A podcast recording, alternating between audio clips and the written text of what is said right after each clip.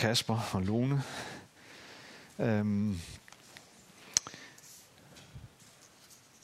inden jeg deler det, som jeg har skrevet ned her, så øh, har jeg egentlig bare lyst til at, at invitere jer med ind i en øh, praksis, øh, som, øh, som handler om, om Ukraine og, og det, der sker dernede. Øh, vi, jeg tror, vi alle sammen er, er mærket af det og, og, øh, og berørte. Og øh, man tænker nogle gange, hvad kan jeg gøre? Øh, og øh, heldigvis er der ting, vi kan gøre, og vi kan, vi kan give, og, øh, og vi kan, øh, vi kan først og fremmest øh, bede for situationen, som, som Astrid også var inde på. Og i den forbindelse, så, så, øh, så øh, var der kristne i Ukraine, som tog initiativ til, der, da, da krigen brød ud, øh, tog initiativ til en praksis, øh, og hvor de bare inviterede alle kristne ind i den. Og den praksis går i al sin enkelhed ud på, at man, man startede med i Ukraine, at alle kristne, eller alle, som, som ville være med, øh, de øh, hver dag kl. 16 ukrainsk tid, det vil sige kl. 15 dansk tid, øh, at læse salme 31. Og øh, det har, øh, ved jeg, har, har bredt sig øh, langt uden for, uden for Ukraines grænser. Og jeg vil egentlig bare, øh, hvis ikke du har hørt om den her praksis og allerede er en del af det, så vil jeg egentlig bare øh, opfordre dig øh, til at, at gå ind i den her praksis. Hver dag, når klokken, hvis du har mulighed for det, så hver dag, når klokken bliver 15, så læs salme 31. Og salme 31 er jo en bøn, øh, skrevet af, af David. Og, øh, og den, øh, den taler øh, fantastisk øh, som, en, som en bøn til Gud, i at, at Gud øh, hjælper os øh, i svære tider. Blandt andet står der, øh, blandt andet beder vi i salme 31, Herre, hos dig søger jeg tilflugt. Lad mig ikke for evigt blive til skamme. Udfri mig i din retfærdighed. Øhm, befri mig fra det net, de har lagt ud for mig. Du er jo mit værn. Men jeg stoler på dig, Herre. Jeg siger, at du er min Gud. Mit livsløb er i din hånd. Red mig fra mine fjender og forfølgere. Vær stærkere fat mod alle I, som venter på Herren. Det er bare nogle få linjer fra den her salme 31. Øh, der er, øh, hvis vi går ind i den her praksis, øh, så er vi sammen med øh, tusinder, måske ti tusinder af mennesker øh, ud over jorden, der hver dag på det samme tidspunkt læser den her salme som en bøn til Gud. Så øh, bare lige lidt lidt inspiration til at være med.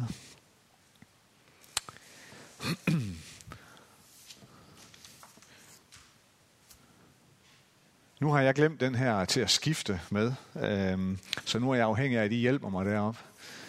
Øhm, så vi får lidt, øh, så vi får lidt billede på. Oh, tak, Anders. Det er mest fordi, at så I ikke skal være tvunget til at sidde og kigge på mig hele tiden. Men man kan kigge på noget smukt. Øhm, vi øhm, fokuserer på sabbat. Og, øhm, og hvad det er, Gud siger til os om sabbat. Om sabbatsbudet. Og hvad sabbat egentlig er.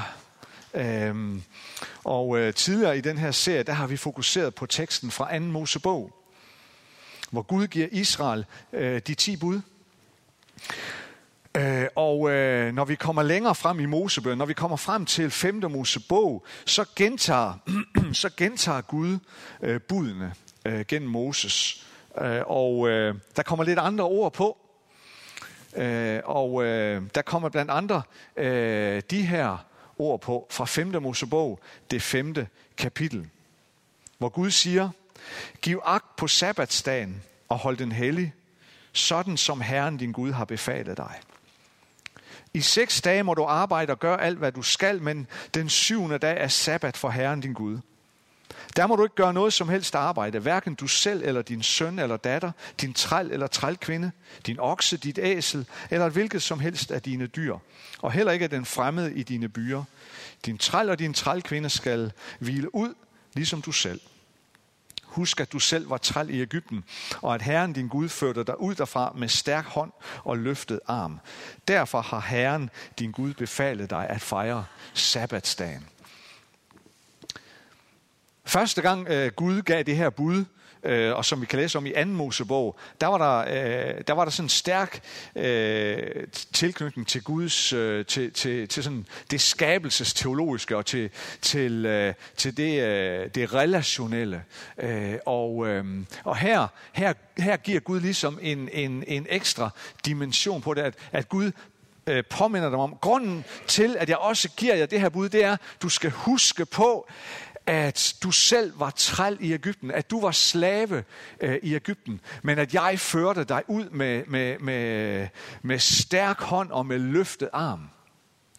Det bliver knyttet sammen med sabbatsbuddet her. Husk, at du engang var i et system, hvor du var under tvang, men jeg har sat dig ind i et system af frihed.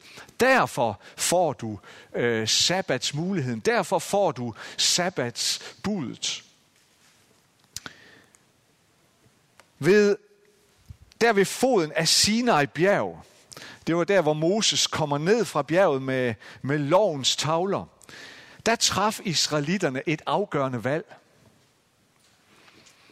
Der traf israelitterne beslutning om at lægge deres liv i hænderne på Gud og for altid stole på Gud, skaberen af himmel og jord.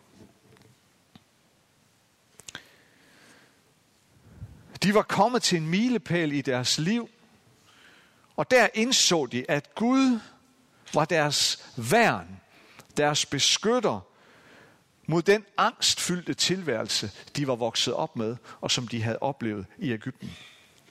Det var der, de blev klar over, at Gud havde sat dem fri fra det system, der førte dem ind i angst, øh, og at Gud nu har sat dem ind i et helt andet system.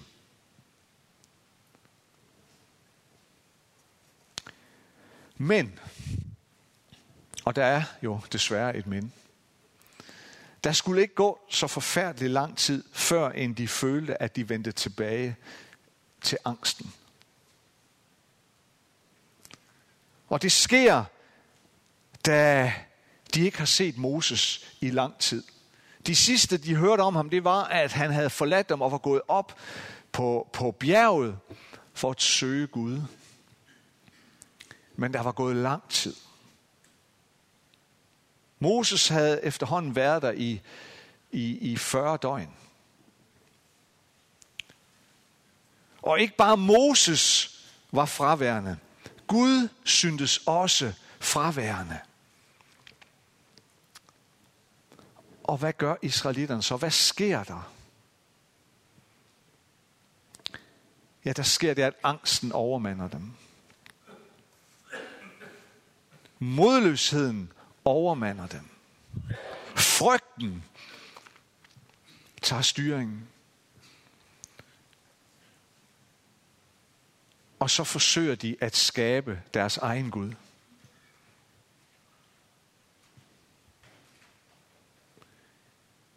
Vi må gøre noget. Den Gud, som vi ellers har hørt om, og ham, der fortalt om ham, er her jo ikke. Så de skaber deres egen Gud. Så de gør det, at de samler alt deres guld. Naturligvis fristes man til at sige. Det er jo det, vi har. Det er jo det, vi, det er jo det, vi så let netop gør til vores Gud. Det materielle. Og så smelter de det om, og så støber de det til en guldkald, som de begynder at tilbede. Når angsten melder sig hos os, så vil vi jo ofte vende os, forsøge at vende os mod det, som er, er større end os selv. Problemet er bare nogle gange, at det er det forkerte, vi, vi vender os til. Problemet bliver, at det nogle gange bliver det skabte, vi tilbærer, i stedet for skaberen.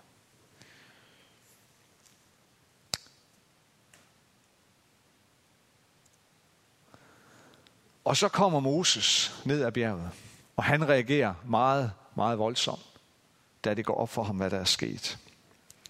Da han kommer ned med lovens tavle og ser, at de har vendt Gud ryggen. Ham, de har svoret evigt troskab. Ham, som de har, har erkendt, han har indgået en pagt med os. Vi vil indgå en pagt med ham. Ham har de vendt ryggen. Og Moses reagerer voldsomt. Han, han, han smadrer tavlerne og vender tilbage til Gud. Øhm, og må gå i en intensiv forbøn for hele folket. I håbet om, at Gud vil forvarme sig. Og det gør Gud. Gud forbarmer sig. Og Moses vender på ny tilbage med loven. Og denne gang med endnu flere beskrivelser af, hvordan israelitterne skal leve i pakten med Gud. Gud forbarmer sig. Men det er bare ikke alt, der ser helt ud, som det gjorde før guldkalven. Ting har forandret sig. Gud er nådig, og Gud er trofast. Men de, de valg, vi træffer i vores liv, har jo, har jo altid på en eller anden måde en konsekvens. Og tingene ser også en lille smule anderledes ud nu her bagefter. Og endnu en gang, så kommer sabbatsbuddet. Sabbatsbuddet er stadigvæk en del af Guds pagt med Israel og med os. Til trods for det, som mennesket har gjort. Og så lyder det sådan her. I seks dage må du arbejde, men på den syvende dag skal du hvile. Selv når der pløjes eller høstes, skal du hvile. Så Gud genopretter, han fornyer pakten med sit folk. Til trods for menneskers troløshed. Og nu kommer der så ligesom en ny dimension ind i sabbatsbuddet. Det er det her med, det ser en lille smule anderledes ud, end det gjorde før. For nu bliver det også knyttet tæt sammen med det at dyrke jorden. Det med at producere. Og Gud er meget tydelig og siger, både når I pløjer, og når I høster, så skal der hviles. Både når der pløjes og høstes, så skal folk indimellem hvile og holde sabbat. I Ægypten, det system, som israelitterne kom fra, der var der ikke nogen hvile. Der fandtes ingen hvile for israelitterne. Der lå hele forpligtelsen til produktion på israelitternes skuldre, som et tungt å, som en tvang. Der var hele tiden en tvang over dem, til at de skulle producere, til at de skulle yde noget. Men nu kommer Gud med en ny pagt og siger til dem, sådan er jeg ikke. Sådan er det ikke længere. Nu fjerner jeg den tvang fra dig. Nu befrier jeg dig fra den tvang. Nu giver jeg dig en helt ny dimension. Nu fortæller jeg dig, nu beder jeg dig om at, at, at hvile, selvom du bærer på en forpligtelse til at deltage i produktionen af mit skaberværk. Så skal du stadigvæk hvile. Og det skal du gøre selv, når, når du skal pløje, altså selv når, når jorden skal forberedes. Og også når du skal høste, altså når frugten skal samles ind så skal du hvile. Så skal du indimellem lægge det til side for at hvile, for at holde sabbat.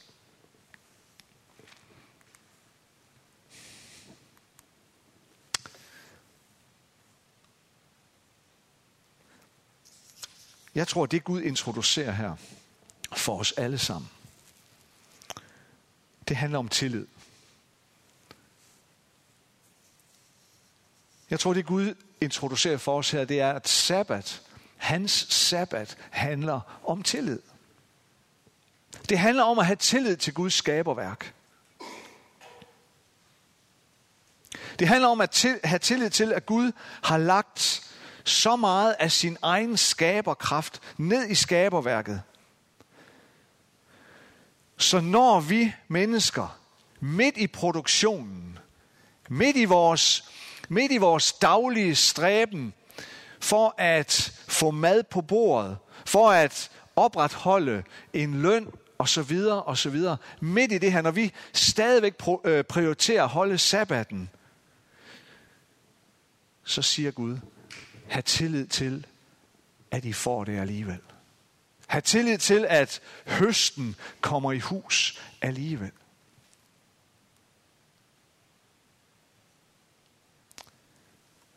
Jesus han, han, er, han er inde på noget af det her. Han, han taler om det her i Markus evangeliet. Og, øh, og jeg beklager, det fik jeg ikke lige øh, med på en, øh, en slide, men jeg skal læse det for jer. Jesus siger i Markus evangeliet kapitel 4, og fra vers 26. Med Guds rige er det ligesom med en mand, der har tilsået jorden. Han sover og står op nat og dag, og kornet spiger og vokser, uden at han ved, hvordan. Af sig selv giver jorden afgrøde. Først strå, så aks, så fuld kerne i akset. Af sig selv giver jorden afgrøde, siger Jesus. Det her, det der græske ord, som vi oversætter med af sig selv, det er det, er det græske ord automate. Automate. Altså automatisk. Automatisk giver jorden afgrøde, siger Jesus. Med andre ord, det er den skaberkraft, Gud har lagt ned i sit eget skaberværk. Og med sabbatsbud, så kommer Gud og siger, har du tillid til det? Har du tillid til, at jeg har lagt nogle automatismer ned i mit skaberværk? Så vis mig den tillid ved at du holder sabbaten og tro på, at det kommer i hus alligevel. Tro på, at det lykkes for dig alligevel. Tro på, at der vil være nok til dig alligevel. Det afhænger ikke 100% af dig og mig. Og det kan vi jo tro nogle gange. Det kan vi, det kan vi forledes til at tro. I Ægypten fandtes ingen tillid. Det var det system, israelitterne kom ud af. Der var ingen tillid, der var kun tvang. Farao havde ingen tillid til frugtbarheden i sit eget land. Derfor så var der 100% tvang over israelitterne til at producere hele tiden, og 0% tillid. Så sabbat hænger på en eller anden måde sammen med begrebet tillid. På den ene side, så har Gud så stor tillid til sit eget værk, til sit eget skaberværk. Og han har så stor tillid til dig og mig, og resten af sit skaberværk, at han kalder os til at tage del i sabbaten med ham selv. Fordi tingene vokser og gror alligevel, selv uden vores deltagelse hele tiden. Automate. Så sabbat handler om, at Gud kommer og siger, har du tillid til min til automater i mit skaberværk?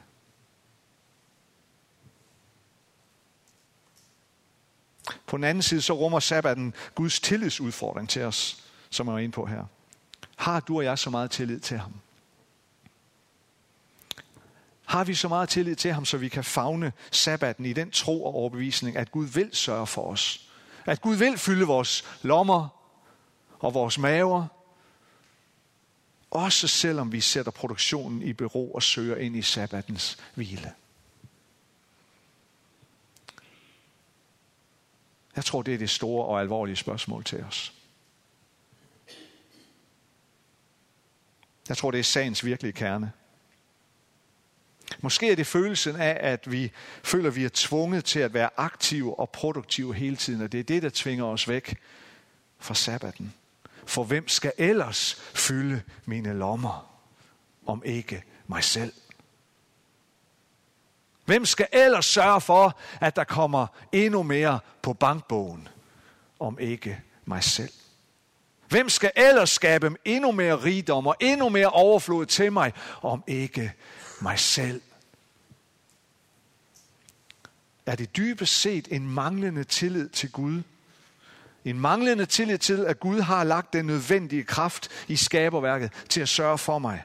Er det det, der får mig til at fravælge den sabbatshvile, som Gud har reserveret til mig?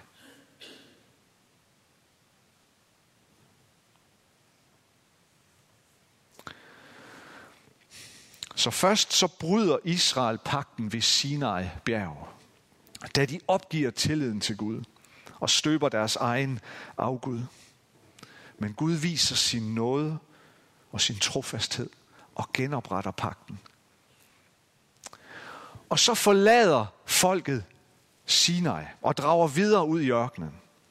På vej mod det land, som Gud har lovet dem. Og da de når, da de når næsten derhen, da de når til Jordanfloden, og Guds lovede land ligger lige over på den anden side, så stopper Moses op. Og så giver han folket nogle vigtige instruktioner, som, som de skal have, inden de drager ind i det land, Gud har lovet dem. Og det fylder næsten hele 5. Mosebog, de her instruktioner. Cirka 30 kapitler bruger Moses på det. Hvis I synes, jeg prædiker lang tid, og det ved jeg, at der er nogen af jer, der synes, jeg gør, så skulle I da bare have stået der ved, ved Jordanfloden. Men Moses, Moses han, øh, han, han, bruger, han bruger lang tid på det her. Han ved, han ved også godt, at han, fordi han, han får ikke selv lov til at komme med ind i det land. Det har Gud sagt til ham, Moses, fordi du tvivlede der. Så får du ikke engang selv lov til at komme ind. Du får lov at stå her og se dig ind. Så Moses ved, at han kommer ikke med derind, og det er vigtigt for ham at fortælle alt, hvad han ved, der ligger på Guds hjerte. Så derfor så bruger han sådan cirka 30 kapitler på det. For det første gør han det. For det første er det vigtigt for Moses, tror jeg, fordi at, at oplevelsen ved Sinai, den er allerede ved at glide i baggrunden, den er allerede ved at glide i glemmebogen. Og så gør han det for det andet, fordi at det land, de skal ind og indtage, det er et land, øh, det land, som Gud har lovet dem, det er et land, hvis lige de aldrig har set før. Der er spejder, der bliver sendt ind og vender tilbage og fortæller dem, at det er et vanvittigt, smukt land. Et vanvittigt, frugtbart land. Det er landet, der flyder med mælk og honning. Afgrøderne, kan spejderne fortælle, de er større og vildere, end hvad vi nogensinde har set. Og man kan høste flere gange om året. Så frugtbart er landet. Så snart, og det, det, er, det er den forventning, de kan have, at så snart de har indtaget landet og fordelt det imellem øh, stammerne, så kan de forvente en, en, en velstand, de aldrig tidligere har oplevet. Men Moses var klar over én ting. Moses var klar over én ting, og derfor så bruger han så lang tid på det her. Han var klar over, at velstand kan være som en sygdom. Og vel at mærke en sygdom, som har en alvorlig følgelidelse, nemlig hukommelsestab. Velstand og rigdom kan være den bedste grobund for hukommelsestab. Det er derfor Moses advarer dem flere gange i 5. Mosebog. For eksempel i kapitel 6, hvor Moses siger sådan her, Herren din Gud vil føre dig ind i det land, som han lovede dine fædre, Abraham, Isak og Jakob at give dig. Et land med store og smukke byer, du ikke selv har bygget. Med huse, der er fulde af alt godt, du ikke selv har samlet. Med udhuggede cisterner, du ikke selv har hugget ud. Med vingårde og olivenlunde, du ikke selv har plantet.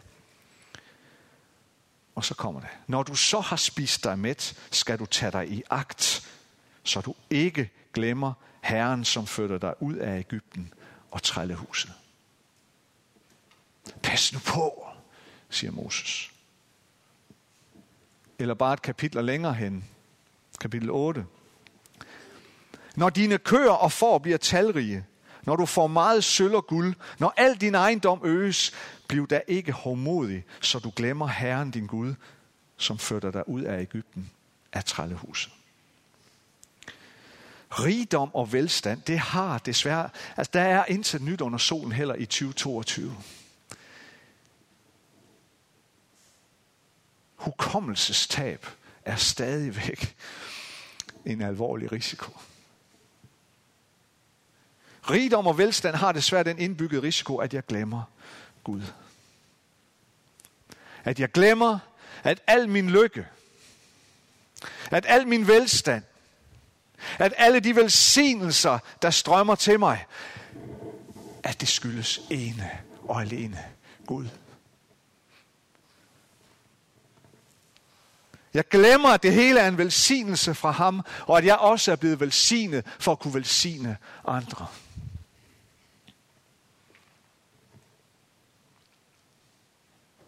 Og mange gange senere i Israels historie, så kan vi se, at Moses desværre fik ret i sine bange anelser. Og vi kan se gang på gang, hvordan advarslen var blevet glemt. Gang på gang kommer profeterne, sender Gud profeter til Israel. Og de advarer israelitterne. I har glemt den advarsel, Moses gav jer og jeres forfædre. I har glemt at give Gud æren for alt det gode, I har. Og I har glemt at leve retfærdigt. Og I har glemt at velsigne andre med jeres velstand. I er blevet protektionistiske. I er blevet kolde. I er blevet ligeglade. Gang på gang må profeterne gå med de ord til Israel. Moses advarede dem om, at de var sluppet fri fra et system med nærmest ubærlig tvang. De var sluppet fri fra et system med en tvang, noget der tvang dem til, at de skulle oppebære nærmest uopnåelig produktionsmængde hver eneste dag. Men Gud havde sat dem fri fra det. Og givet dem sabbatens velsignelse, for at de kunne leve i et helt andet frihedssystem. Og Moses advarede dem om, at hvis ikke de holdt sig til den frigørende og frisættende Gud, så vil de hurtigt ende i et nyt system af tvang.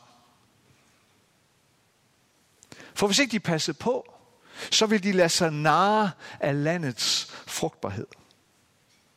Så vil de lade sig narre til at tro, at, at frugtbarheden i landet, den skal udnyttes til sidste dråbe. Så skal jeg producere mere i dag end i går. Og mere i morgen end i dag. Og mere end min nabo.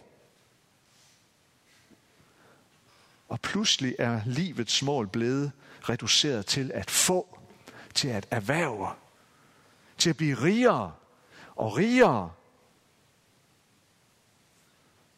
Og så er der ikke længere nogen næste. Så er der ikke længere nogen medmennesker. Så er der ikke længere noget medmenneskelighed så er der kun konkurrenter. Så er der kun trusler over på den anden side af hegnet. Så er der kun protektionisme og selvtilstrækkelighed og ligegyldighed tilbage. Og det er jo, så er de jo nærmest tilbage til det, de oplevede i Ægypten. Og det er derfor Moses, eller Gud igennem Moses gang på gang her knytter sabbaten sammen med udgangen af Ægypten og deres, deres erindring om det at de skal huske på, hvad Gud gjorde for dem dengang. Husk på, at det var mig, der førte jer ud af trællehuset i Ægypten. Men hukommelsestabet har nok desværre allerede ramt israelitterne. Til sidst, så kan der være to måder for israelitterne at se på det land, de skal, de skal ind og indtage, det der ligger lige derovre på den anden side af floden. Enten kan man se på det som, som øh, profitabel ejendom. Eller man kan se på det som en arv. Hvis vi ser på det som profitabel ejendom, så bliver det bare som en handelsvare. Så, bliver det, så er det let, at vi ser på det som køb og salg, handel og gevinst og profit, bundlinje, øh, mere i dag end i, end i går, og endnu mere i morgen. Øh, udnyt det, så langt vi overhovedet kan. Men ser man det i stedet som en arv, som en, som en fødselsret, man er blevet givet, Ikke fordi jeg har gjort noget som helst for det, men bare fordi jeg er Guds barn. Så lader han mig arve. Ja, så ser man nok i højere grad behovet for at, at inddrage sine medmennesker. Inddrage og udvide sin familie i, at alle må få del i landets velsignelser. Israel havde fået det som en, ja, som en fødselsret, som en, som en arv.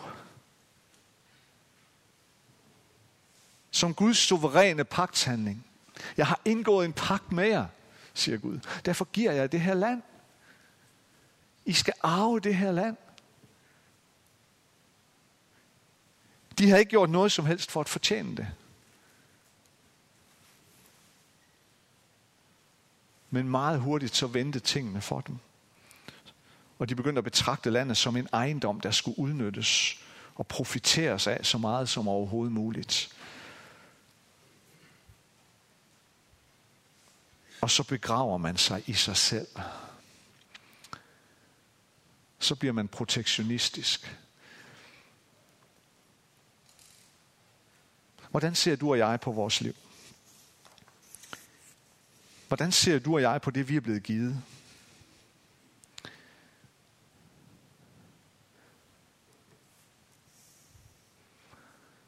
Jeg tror, Gud kalder os til at forstå sabbaten, til at forstå den her hvile, til at have den her rytme i vores liv. Og Bibelen giver jo en ganske klar rytme. At vi en gang om ugen, at vi en dag om ugen der siger, der siger vi, Gud, i dag er en særlig dag, hvor jeg vil tage imod den tillid, du viser mig. Og jeg, hvor jeg vil prøve at leve i tillid til dig. At mit liv er lige så rigt i morgen, som det var i går. Automate. At du gør det alligevel. At du gør det, når jeg holder fri sammen med dig. Du gør det, når jeg hviler sammen med dig som Thomas Judin, den svenske præst og forfatter, skriver, det sker, mens du hviler. Det sker, mens du hviler. Jeg tror, det er det, Gud kalder os til. Øh, også i 2022. Øh, også selv, der lever her i Danmark og i en så fjernt på, øh, på mange måder øh, fra den kultur og den tid, som sabbatsbuddet først blev givet ind i. Det er lige så aktuelt, lige så vigtigt, lige så stærkt er Guds kald, for at vi ikke får hukommelsestab.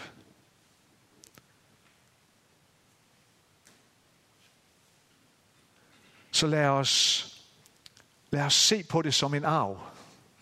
Alt vi har, alle de velsignelser, vi er blevet givet, at det er et løfte om en arv. Og vi får lov til at, vi, vi, får, vi får, og det er jo det helt fantastiske, vi får lov til at tage lidt hul på den arv allerede her nu. Men en dag skal vi se den i fuld flor. I dag skal vi, en dag skal vi se den i al sin rigdom. Det er, bare en, det, er bare en, det er bare en lille bitte del, vi får lov at se i dag. Men hvor er det fantastisk. Så lad os ikke blive angrebet af hukommelsestab men altid huske, hvorfra det kommer, og hvem der er giveren. Lad os bede sammen. Almægtige Gud og himmelske Far, tak fordi du er her. Tak fordi du elsker os. Tak for de vidunderlige løfter, du har givet os. Om et land, der venter os. Et rige, som vi kan få lov til at tage hul på allerede i det her liv. Men far, tak fordi, at du også kender vores skrøbeligheder og vores sårbarheder.